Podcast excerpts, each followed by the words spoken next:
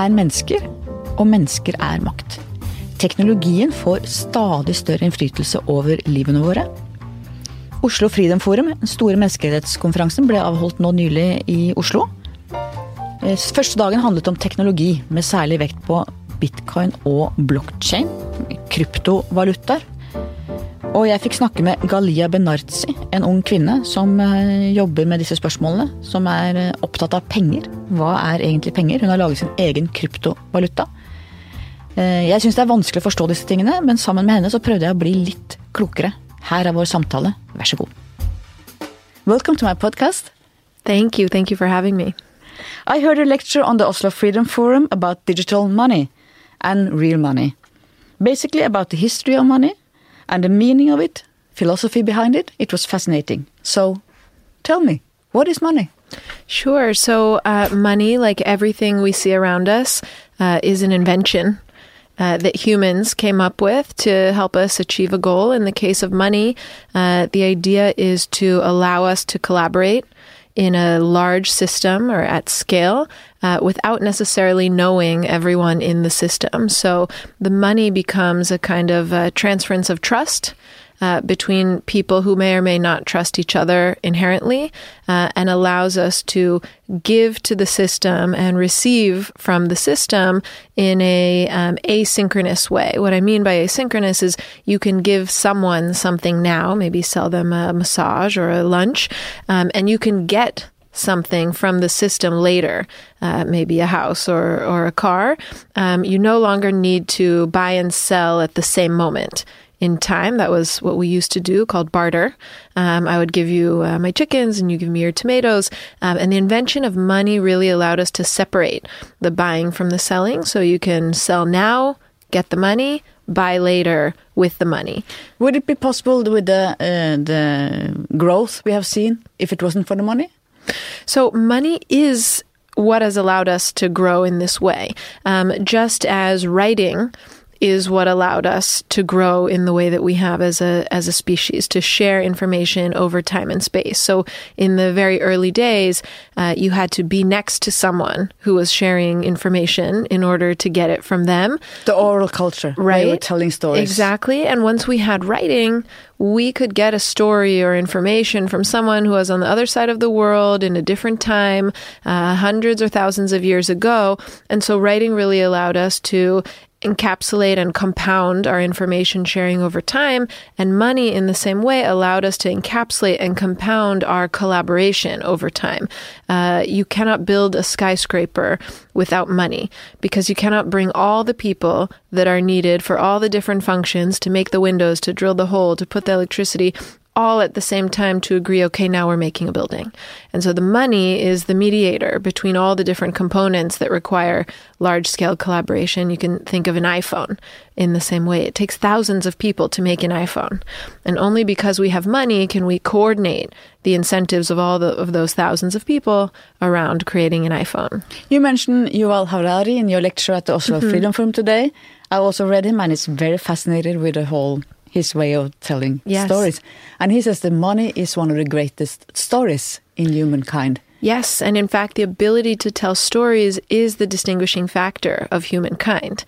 Um, because we can tell these stories, because we can agree or disagree, because we can share information in these ways and create culture in these ways, we can collaborate at a large scale. We can also not collaborate at a large scale, right? That's also a story that we tell ourselves about us versus them, the other. Uh, tribal tribes. enemies, scarcity, competition, these are all uh, stories. We could just as uh, easily tell ourselves a different story. The other is like me. We have abundance between us. The more I give, the more I get. Uh, nothing is forever, so nothing is mine. Well, There are a variety of stories that we can tell, and you know the ones that have won out over time are the ones that we live with, uh, and these are also the ones that are uh, within our power to change. Because it's strange. I mean, this green bill or red or whatever Mm-hmm. piece of paper that you can actually, it's about trust, that you can Yes. trust it. And he also compares with the chimpanzees or the monkeys. Yes. They can relate to, to give away a, a banana and Yes. get the banana back and trade. But they cannot have the abstract way of thinking about that the bill of paper can have value. Right. That bill of paper, whether it's a bill of paper, whether it's a digital coin, this thing that we call money, essentially represents uh, the your balance of payments with the greater system.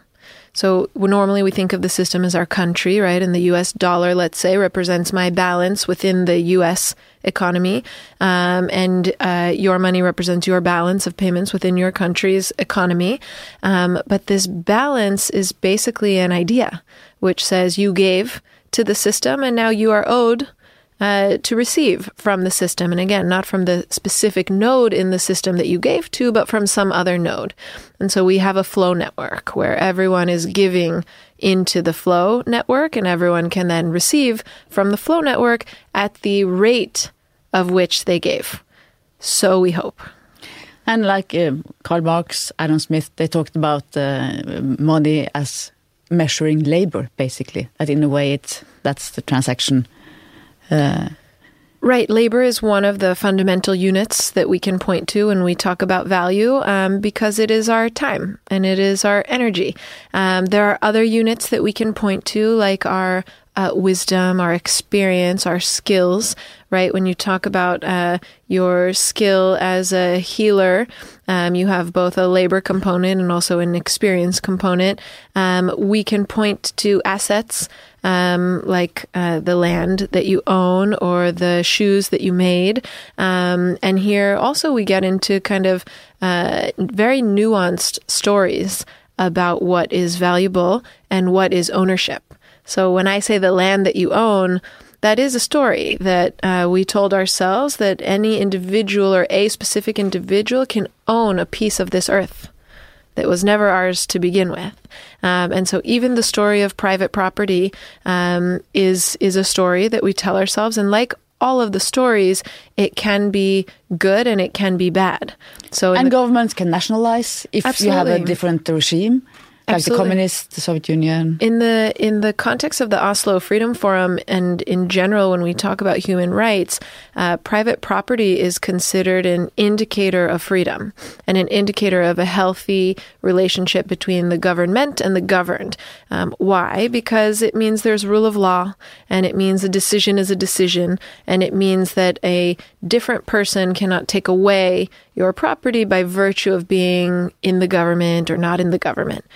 However, if you kind of zoom out and look at private property as a story that, that humans tell ourselves, and this is actually um, from another book I love on this topic called Sacred Economics by Charles Eisenstein, highly recommend. Um, he talks about private property as a as a very bad story um, that humans have told ourselves because you know if we look forward in time, there are many more humans coming in the future than we have now or than we've had in the past, or, or, so we assume if we assume that we survive as a species and continue to grow and thrive. Hopefully. Hopefully. And and there is a limited amount of Earth on planet Earth. And so if everyone can own parts of the Earth and all these future people are coming, there won't be any Earth uh, left for them to own. And of course, we pass on private property in our inheritance to our children, to our grandchildren. And so you do have a, an increasing concentration of private property, of, of pieces of the earth to the existing holders of the property, and much, much less available to the folks or the families or the descendants of the families that don't currently own property. They say buy land, they don't make it anymore. Right. There is no more land being made than the land that we have. And um, it's a very interesting, I love to give this example because it really shows the complexity of stories and the complexity of ideas, and that there is not a binary uh, right and wrong, black or white. Um, private property is great when it indicates that your government is abiding by the rule of law and that people feel safe and protected. And private property is not so great when we talk about how do we devise an economic system for the present and the future of the species on this planet that is equitable uh, for all. So, you know, I, I say the same about money and the same about government and the same about taxes. You know, nothing is good or bad. It's how uh, we implement it and how we manifest it in society that can be better or worse. I would say taxes is mostly good because it make it gives the population a possibility to keep the government accountable. You have the difference between two oil states, Saudi Arabia and Norway, where we pay taxes. We are a democracy. We can keep our government accountable. While in Saudi Arabia, the government gives away as a good gifts to its people, go- gifts which then it's not possible to have democracy. I think that taxes is a condition for a democratic uh, society. Yeah, and transparency is a condition for taxes. Yes. Uh, right. If you uh, if you can count on the taxes doing what they say they're going to do with them, um, then uh, that's wonderful. And if you can't, then you're uh, you know you're living in a story um, that is that is misaligned with what actually happened. So it's a great example. But taxes really are our uh, commitment to the collective, right? When we look at individual uh, liberties or when we look at drive and motivation, we all have an inherent drive and motivation around our own well being and presumably the well being of our family or our next of kin or of our close community. Um, but when we take into account the reality that we coexist with people well beyond our close community, well beyond our family, taxes are our commitment to coexist. Um, whether it's build the road or build the bridge or build the hospital or um, you know uh, help people in a crisis or whatever whatever are the collective values, uh, taxes are our commitment to live beyond and for more than just ourselves. And both money in itself and taxes is about trust. You were talking about digital money, the new thing, uh, cryptocurrency. Um, how does it work? What is it? Yeah, so it's such a fascinating uh, concept because it is the first time, really, in society and in history, that we can imagine money, real, viable, usable money, uh, being created by uh, anyone in in the population. Um, and so what I mean by that is throughout history, whether money has been physical like gold or paper like bills or even digital like the digital money that we have today, um, it has always been issued. Its coming to existence has come from the rulers. Uh, of a country, whether those are kings or emperors or presidents uh, or ministries of of uh, finance.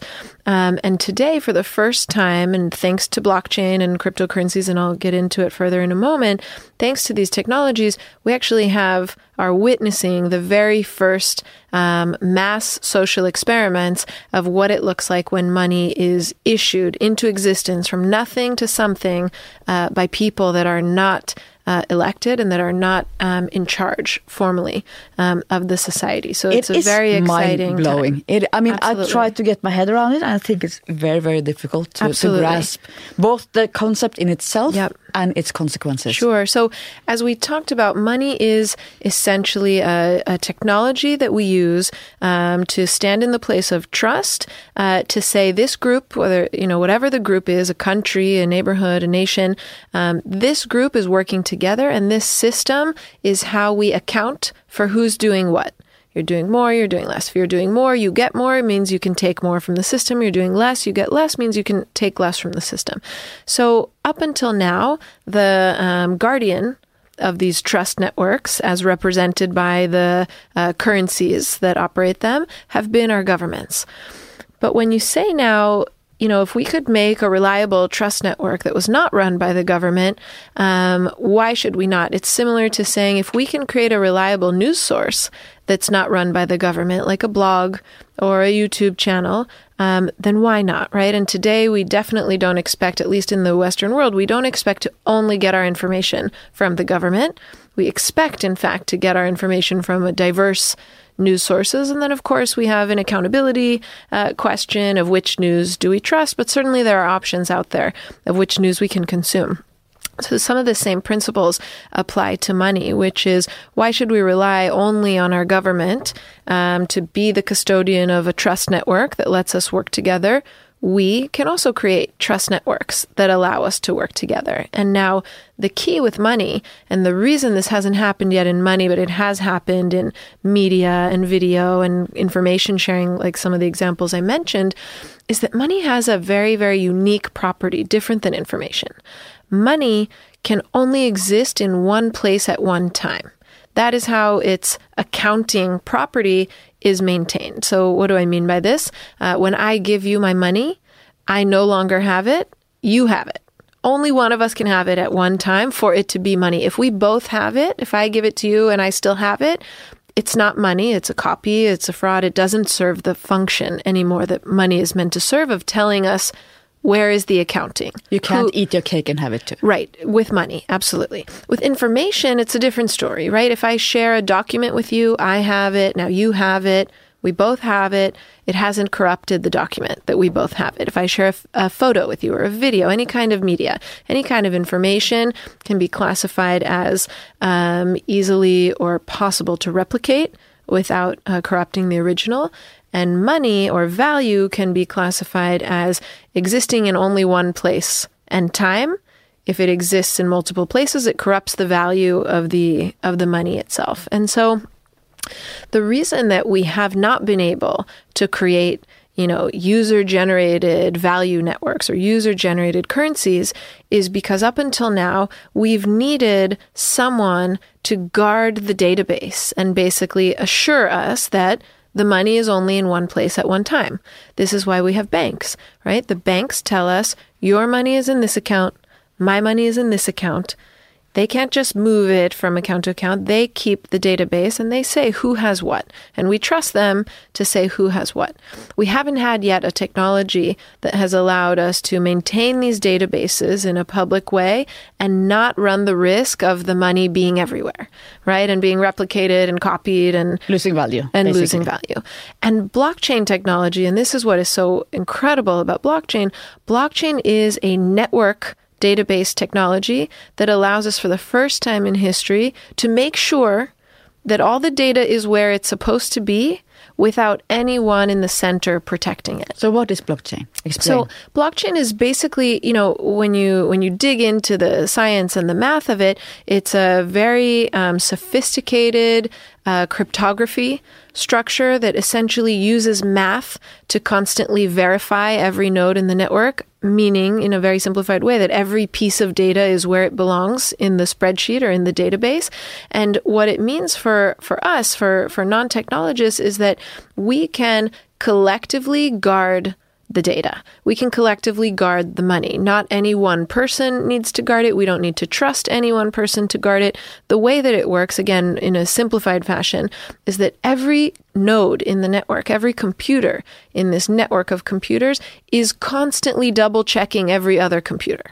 Um, and again, using sophisticated math tools. Basically the you know the way that it works is that the uh, the network will ask a very very advanced math problem to all the nodes in the network and the computers essentially use their computing power to run you know millions and millions and millions of recursions trying to solve this math problem and the one that solves it is the one that you know verifies that piece of data. It's like finding the right piece of puzzle. The Yes. one who finds the right piece of puzzle gets the next block in the chain. exactly And then they have to compete again for the next block. Exactly. And so what that means, what this architecture lends itself to is that in order for someone to say, Ooh, here's the piece of the puzzle and it's the wrong piece. Oh, your money's not here, it's here. Oh, I don't have this money, you have this money. In order to uh, corrupt the system, you would need the agreement of over half of the nodes in the network. So, from a bottom line perspective, it makes it very hard to manipulate a system when everyone is in control of it together. And so, using this cryptography and this kind of math language between computers, we've essentially created a network architecture where everyone together guarantees that the information is true and accurate, and it is very, very hard to make changes in the database. So one of the main thing with currency, the transparency and the liquidity is taken care of. But the other side of it that concerns me uh, is that uh, what really marks a nation state is the ability to print money and to, that politicians to be in charge of, I mean, collecting taxes, creating welfare, redistributing welfare, uh, the fortune in society. So this makes the politicians, I mean, they lose a very important tool in ruling a country.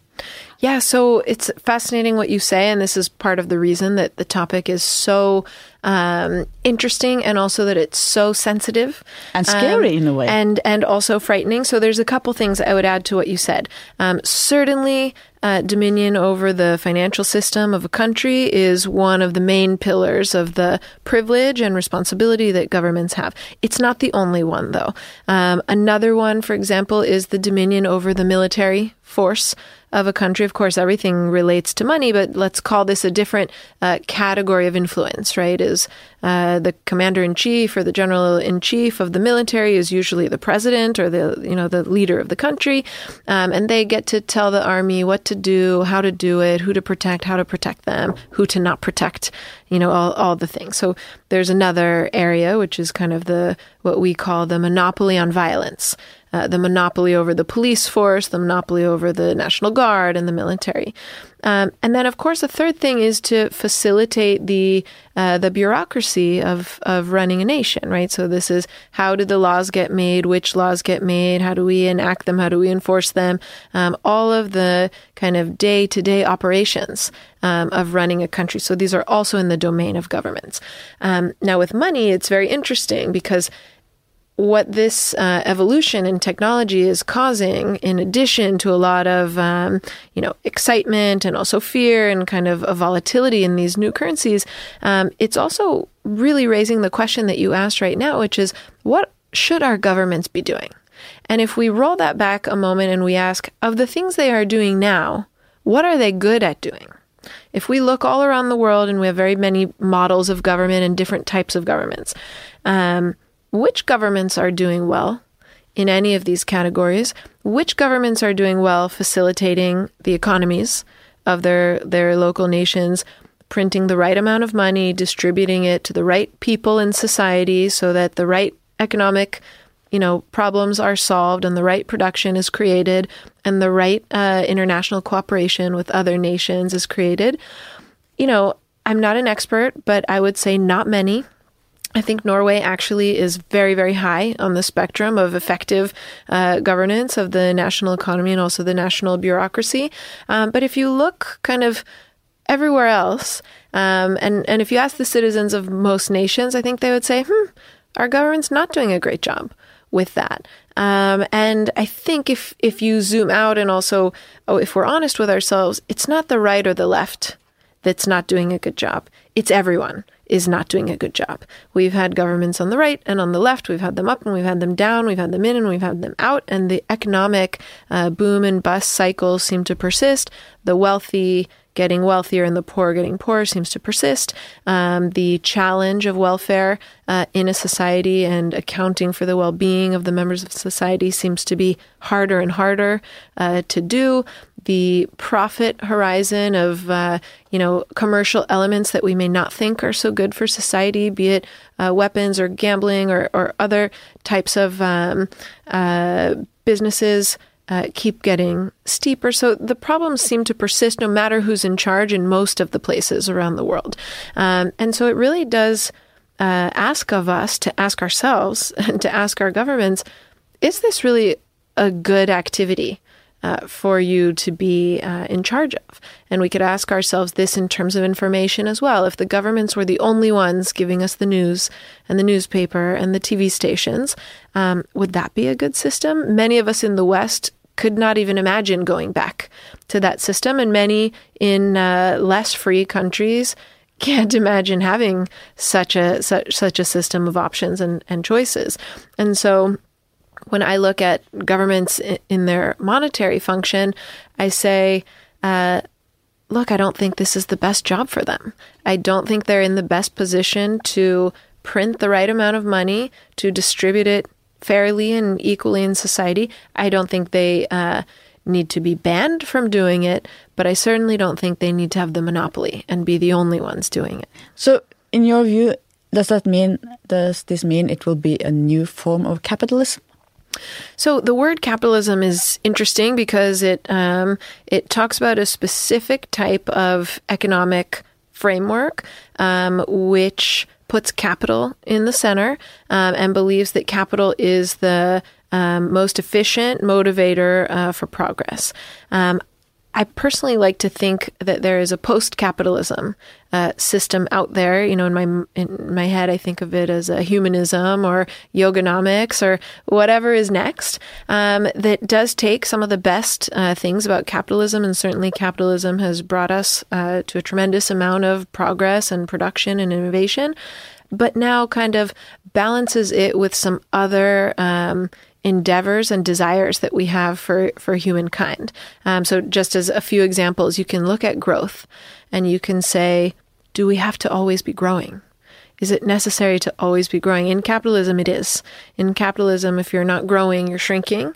Um, and uh, in general, a healthy market is one that's growing. When we kind of, again, zoom out to the global economy and say, you know, are we growing at the right pace? Um, for our underlying resources, for our clean air and our clean water and the well-being of our people, I think we could we could say perhaps not. Perhaps in this specific way, uh, we're growing too fast. Um, Sounds like a very leftist approach. it's really, um, you know, I, I don't. I don't find myself on the right or on the left. I find myself uh, forward, um, which is kind of what what are the next uh, paradigms that, that we can bring to the table.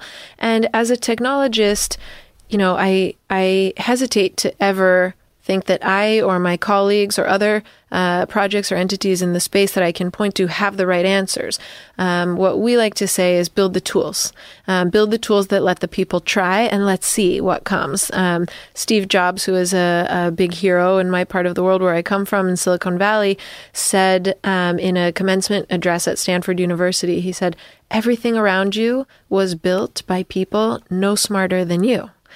And it's a reminder the financial system and the money system is the same. And so I don't think I have the answer. I don't think any specific person has the answer, but I think that access is the answer. If you can create tools that let people try, I know there are great ideas out there. I know that there are people out there who do have innovative ways that we can create incentives for progress while also managing climate um, and making sure that our incentives for progress don't outweigh our future incentives for sustainability on the planet, right? And so there are literally endless um, paradigms that you could imagine uh, trying. It's really about, uh, in our field, about data.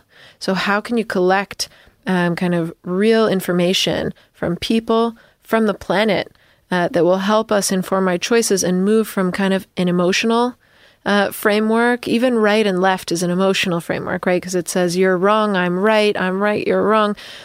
And move past it to a more data driven uh, framework where we can say, you know, I once thought this, but now when I look at the numbers, I think this. And I'm also aware that in the future, when we look back at these numbers, we'll also realize that we only saw part of the picture. If you look at the crypto cryptocurrency systems, is it more, is it about more order or more anarchy? Hmm. So anarchy is such an interesting word because it's very misunderstood. Most people think of anarchy as like a lack of government um, and total chaos. But what anarchy actually means, the word is um, you are not in charge of me. Uh, no one is in is is uh, by default or by nature in charge of anyone else. It doesn't actually mean that there is no governance. Um, it means that governance is voluntary. It's opt in. You can opt out of it, and that it's also uh, changeable. Um, and that's one of the most important things I believe about governance frameworks is the mechanisms by which they can be changed. Um, because we all know the power of the default, at least in internet culture, the power of the default is everything, right? Very few people will change the settings.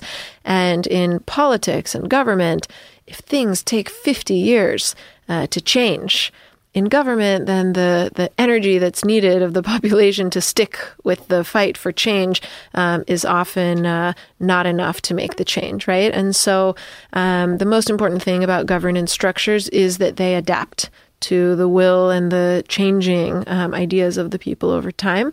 Um, I think in crypto, again, when I look at the, the work of Bancor, what we're trying to do is enable anyone to create a currency.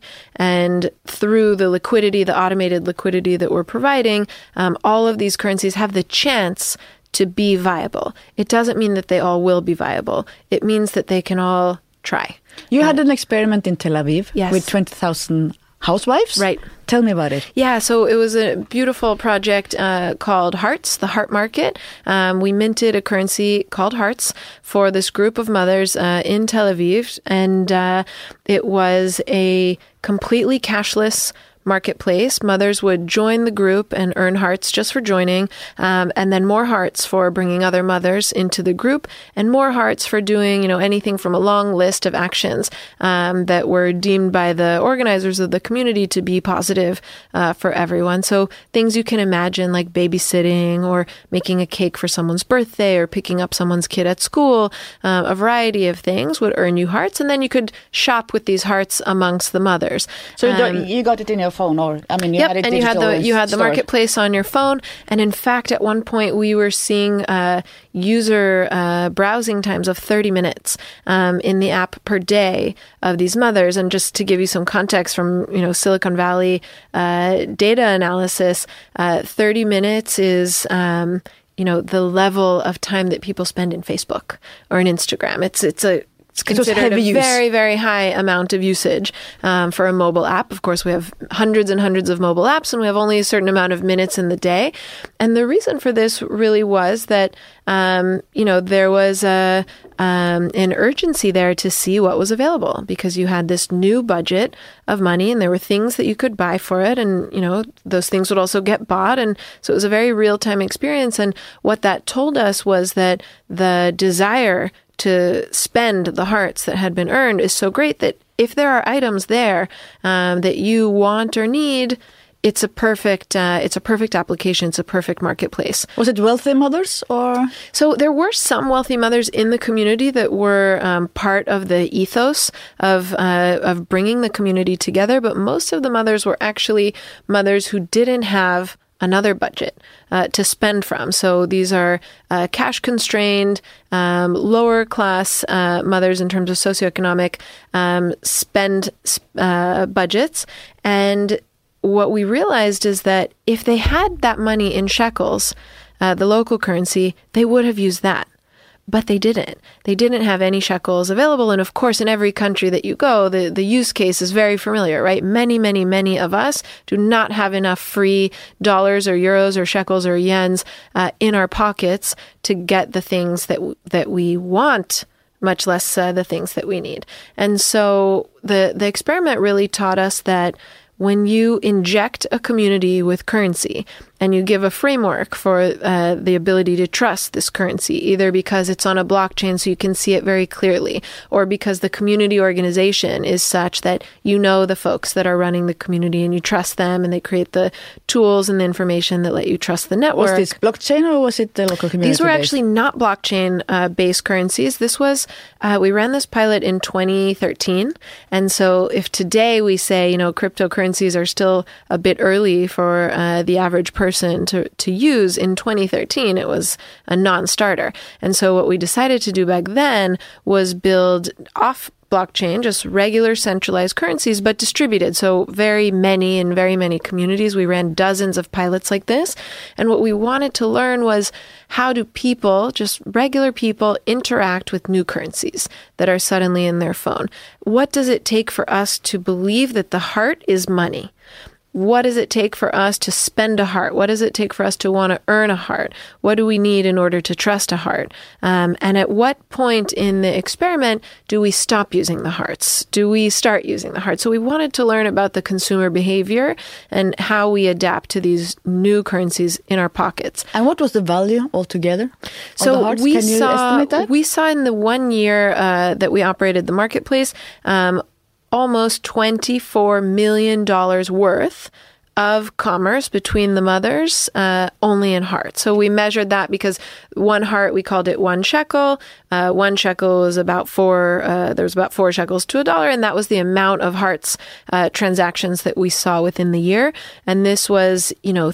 Tens of thousands of items from clothes and toys, a lot of recycling. And we got asked all the time the question, you know, why weren't they doing this before? All the moms were there, they all had these clothes and toys, and they all knew each other, maybe. And, and what prevented them before from just bartering uh, with each other or creating this kind of commerce?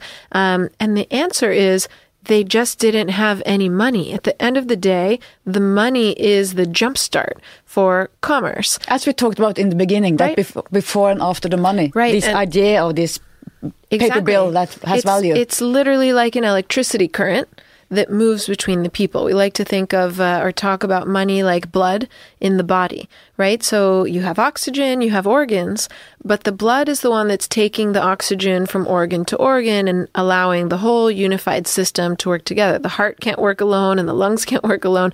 It needs the blood to move the oxygen and the other um, nutrients and, and, and things between the organs so that they function. And blood has a similar purpose in society. So all the people are there all their skills are there, all their stuff is there. But the money is literally the vehicle that moves the energy or moves the things from person to person to person in a way that we can trust. So this experiment actually created uh, $24 million worth of economic activity mm-hmm. that wouldn't otherwise have happened? Exactly. So we exactly that and we call it economic potential. And so when I ended the presentation, I ended on a slide which was uh, the long tail, this phenomenon that we see in the internet which is if you reduce the technical barriers to entry and you let everyone access the tools, like you let everyone upload a video to YouTube or you let everyone create a blog on WordPress or now you let everyone create a currency what you see is orders of magnitude, two to three orders of magnitude more volume, more activity, more engagement than when there were high barriers to entry and only the professionals were accessing the tools. And so, what we say about economic potential is that if we open the doors here of currency and we let every group, like these moms, and these moms are just one group in one city in one tiny country, um, you can imagine that there are millions and hundreds of millions of these groups, whether they're mothers or neighbors or vegans or surfers or students or activists or companies or projects or festivals. You know, there are literally infinite networks that we can imagine between people who want to collaborate together either once or a hundred times or forever. If we open the doors and let all of these networks create their own currency units and cycle resources and time and skills between the members of these networks, what we expect to see is two to three orders of magnitude of economic potential more than what the national currencies are able to capture today. Uh, you refer to uh, Bernard Lietaer, is that her? Bernard Lietaer. Bernard Uh, Rethinking Money, a book mm -hmm. he, he came with. Um, where he discusses how many currencies can there be in the world, in a nation, in a local community. Right. Tell me about that. Right, absolutely. So he writes a fascinating book um, that I highly recommend, and, and he does extensive work and research on this field of community currencies.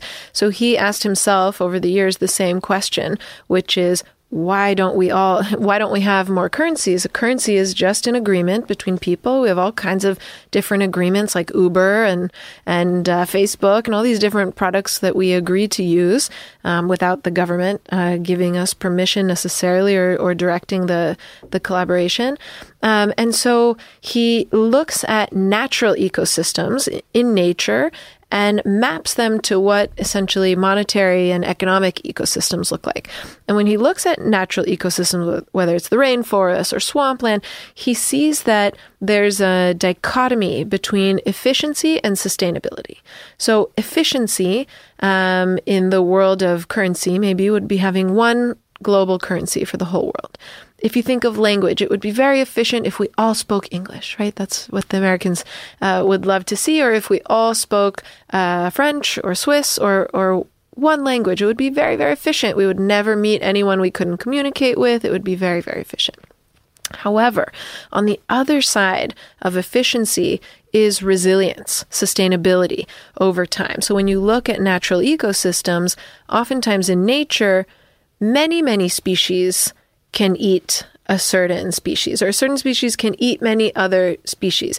Many times there are multiple water sources. There's a kind of redundancy where if there is some problem with some part of the ecosystem, the ecosystem can continue to thrive. It will change, but it will it will survive. Self-repairing in a Exactly, and it will be resilient. Now, in economics, those redundancies, you know, two water sources when you could have one, two currencies when you could have one, two sources of production when you could have one, are considered inefficient. And it's true that for a while, while there's no crisis, it is more efficient to have one than two. However, in a crisis, having two is exactly where the resilience and the sustainability comes from. And so when we look at currencies and we say, look, of course, it's very efficient to have, you know, one main currency. Look at the dollar and how efficient it is to have the dollar be our global reserve currency for the whole world. And then we say, but look, in 2008, the dollar had a major crisis because of just something that was happening in America, you know, over risk uh, leveraging of the banking system, under regulation, however you want to, whatever you want to, you know, uh, pinpoint as the cause for the the crisis um, with the dollar. And suddenly we have a global financial crisis, right? Because there isn't uh, redundancy in that sense, and the dollar is the one uh, that we need. And so if it's having a problem, we all have a problem. Same with the euro. As the euro crisis hits, you have countries like Greece and Spain that have uh, no other alternative.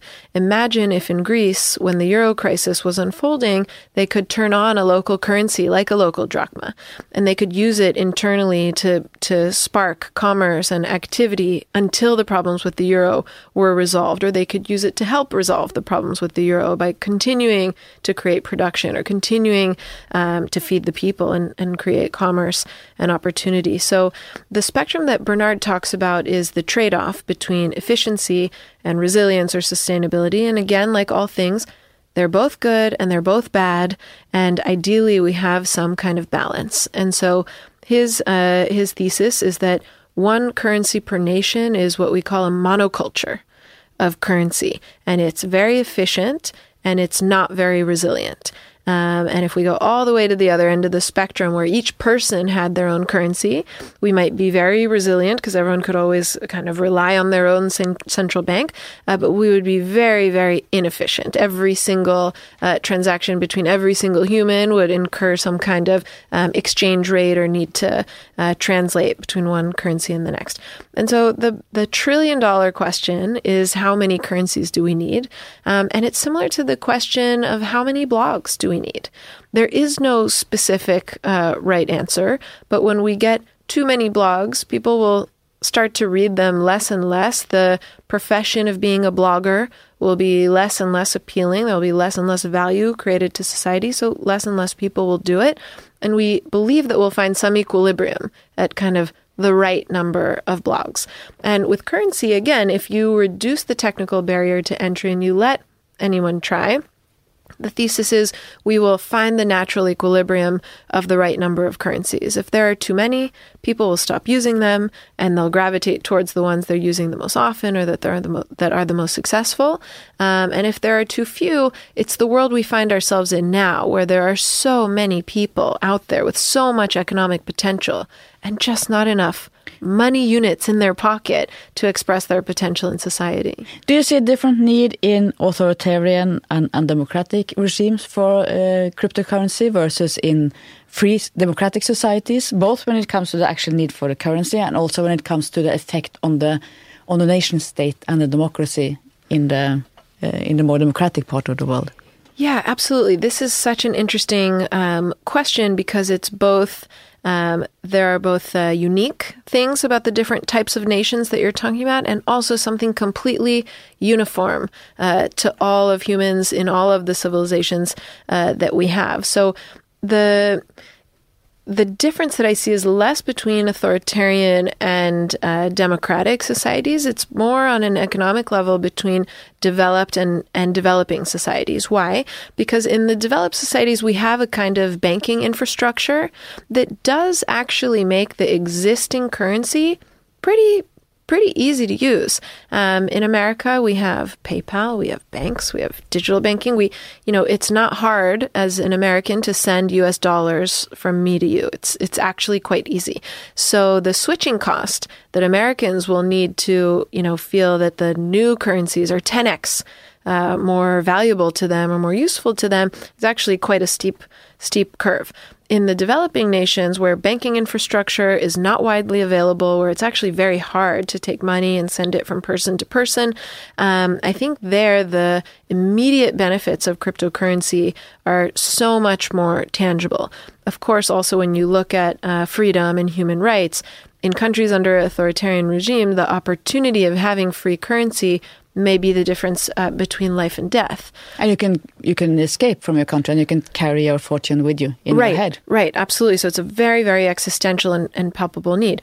In the developed countries, the difference between uh, free currency and, and what we have today, kind of the national currency, might be the difference between uh, life and a life well lived, right? So certainly to that person that is an existential difference but if you look at the at the map there are different um, opportunities to be had. I think that kind of broadly speaking um, of course ex- existential threats to one's safety and, and well-being uh, and ability to speak freely pray freely love freely these are you know uh, of the essence and, and of the moment if we zoom out to the greater endeavor of, of humans on this planet, I think uh, economic freedom is the next great challenge of our time.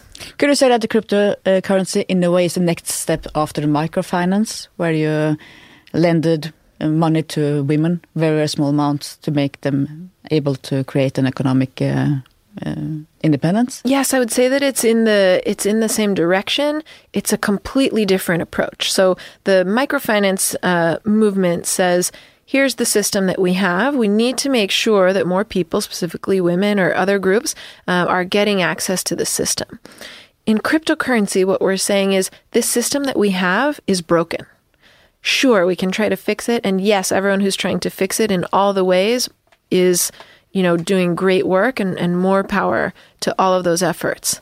However, the real change is in changing the system itself. Um, a system where money comes from the top and is distributed to the bottom will never treat the bottom the way it treats the top. It never will. It's gravity. And so the cryptocurrency movement says, let's build a system that's more like a network and less like a pyramid we're going to have all new problems to solve, right? Because the technology is always part of the solution and part of the problem. Um, but that problem of money starting at the top and trickling to the bottom, we won't have that in this new system. We'll design it differently from day one. I really have to think this very much over. I think it's so complicated just to get my brain around it. Yeah, well, it's a very um, three dimensional network, right? So when you think of uh, money the way it is today, you can almost think of it like 2D you have governments, they print money, the people need to get the money, and then there's all the things that happen along the way. And there's finance, and there's Wall Street, and there's microcredit, and there's all the things. In this next version of money coming from everywhere in society, you really have a 3D network architecture, and any change in any node in the network is affecting the other nodes in the network. And so you do need um, sophisticated math and algorithms and visualization and, and, of course, governance structure and rules of engagement to manage this kind of complex 3D network architecture. Um, but the 3D one is living and breathing and vibrant, and I think will grow in kind of new shapes and dimensions that is very are very hard for us to imagine from a 2D place. Could a national state's answer to this be to create national cryptocurrencies that will make the politicians keep their tools to rule a country uh, and just transfer Norwegian crowns into uh, crypto crowns that still was uh, ruled by the nation state? Yes, absolutely. And I think they should do that. I think that if anyone in the street can make a cryptocurrency, then certainly the governments should be able to make a cryptocurrency as well. Um, what will be different is that their currencies will need to compete with all the other currencies. They won't have that special privilege that today we give to governments, right? So, yes, they should make cryptocurrencies, I believe, because cryptocurrencies are secure, they are efficient, they are transparent, they are immutable, um, they are customizable. I mean, there's so much opportunity for governments as well. Um, what they shouldn't do is say, only my cryptocurrency is the one that we use. Anyone who uses a different cryptocurrency or other currency is going to jail. Right? So that's that's the line is make them these should be available to everyone, governments included. Um, but we need to end the monopoly of governments on currencies. A little bit about you in the end. Uh, uh, you start out in Silicon Valley, grew mm -hmm. up in mm-hmm. California. Mm -hmm. uh, you're one of the not so many women in technology. How was it to come as a young woman into the technological world of Silicon Valley? Yeah, it's interesting. Um, there's so much uh, opportunity, and I think uh, growing up as a as a woman in California and in Silicon Valley, and and, and in this generation, um, you very much have an open door.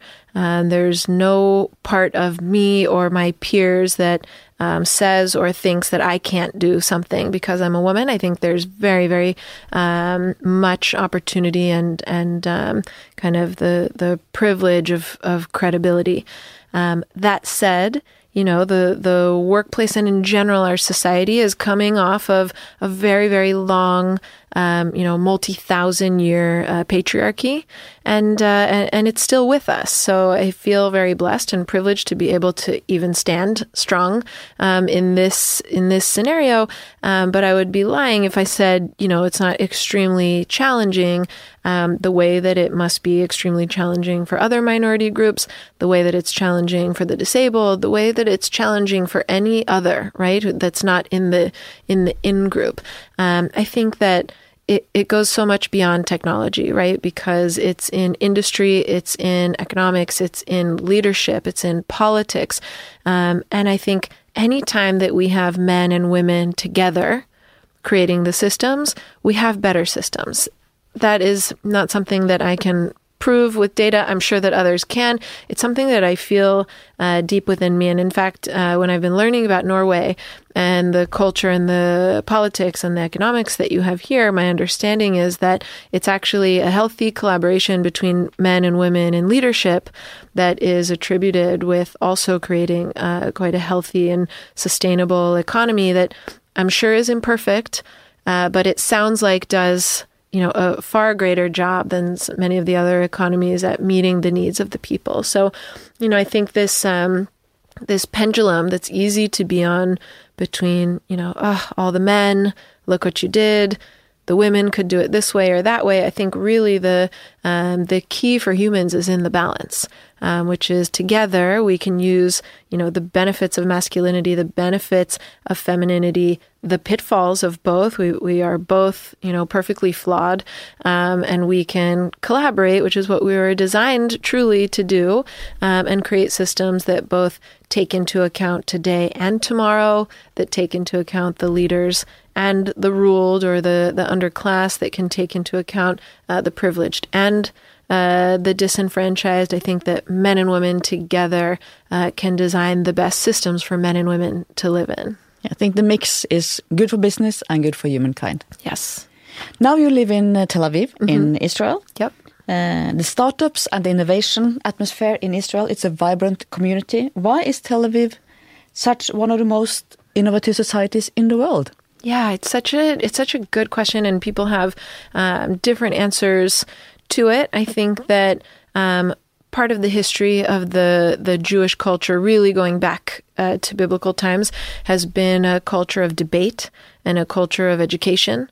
Um, it is part of the the story and the narrative of the people to ask questions and debate everything. And um, the faith is not built on. Uh, blind faith, but on kind of uh, deep questioning. And questioning is really encouraged. Um, even the conversion uh, story of joining the Jewish religion is not one of force, but one of will.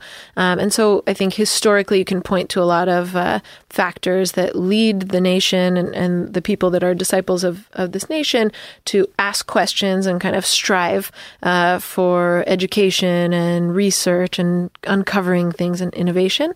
Um, I think in the short recent history, the politics of the nation have really forced the people to be innovative.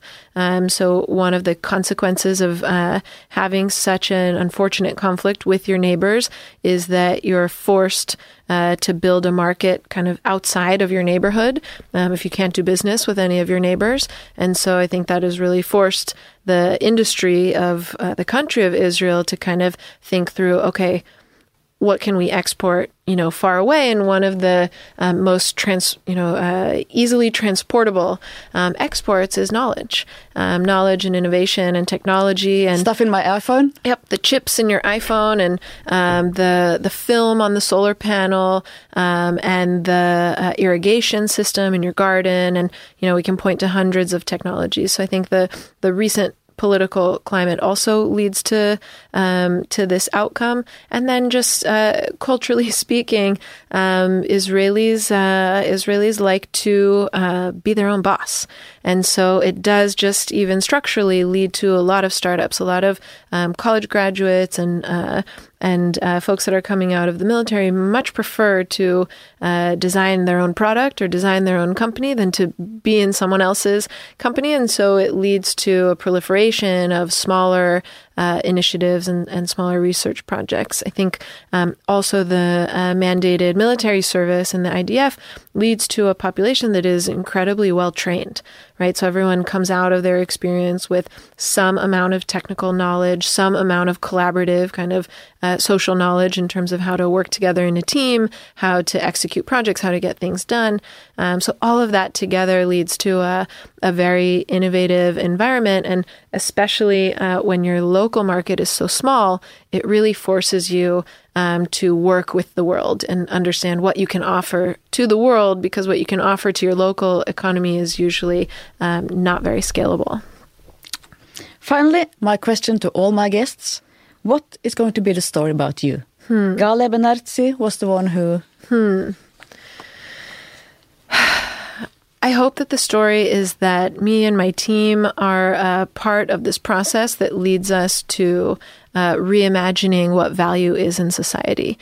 Um, I think that the stories that we've told ourselves about economics and about finance um, and about power are stories that are leading us to um, less than optimal outcomes. I think that the story of sacred economics, of what it means to be a human, what it means to have a human consciousness, what it means to be a part of a, a society and of a fabric, um, I think that uh, we can build and design economic systems that look more like that um, than they do like Wall Street or like banks. Um, and so I hope that our legacy is being, you know, there are many, many teams working on these initiatives, and uh, we look forward to collaborating with as many of them as possible. I hope that part of our legacy and part of my legacy um, is really changing the game for how we think about value, how we um, ascribe value, how we trade value, and really making value valuable again. Thank you so much for coming. Yeah, thanks for having me. Thank you to you out there for listening, and thank you to our producer, Magne Antonsen. And we will touch base again next week.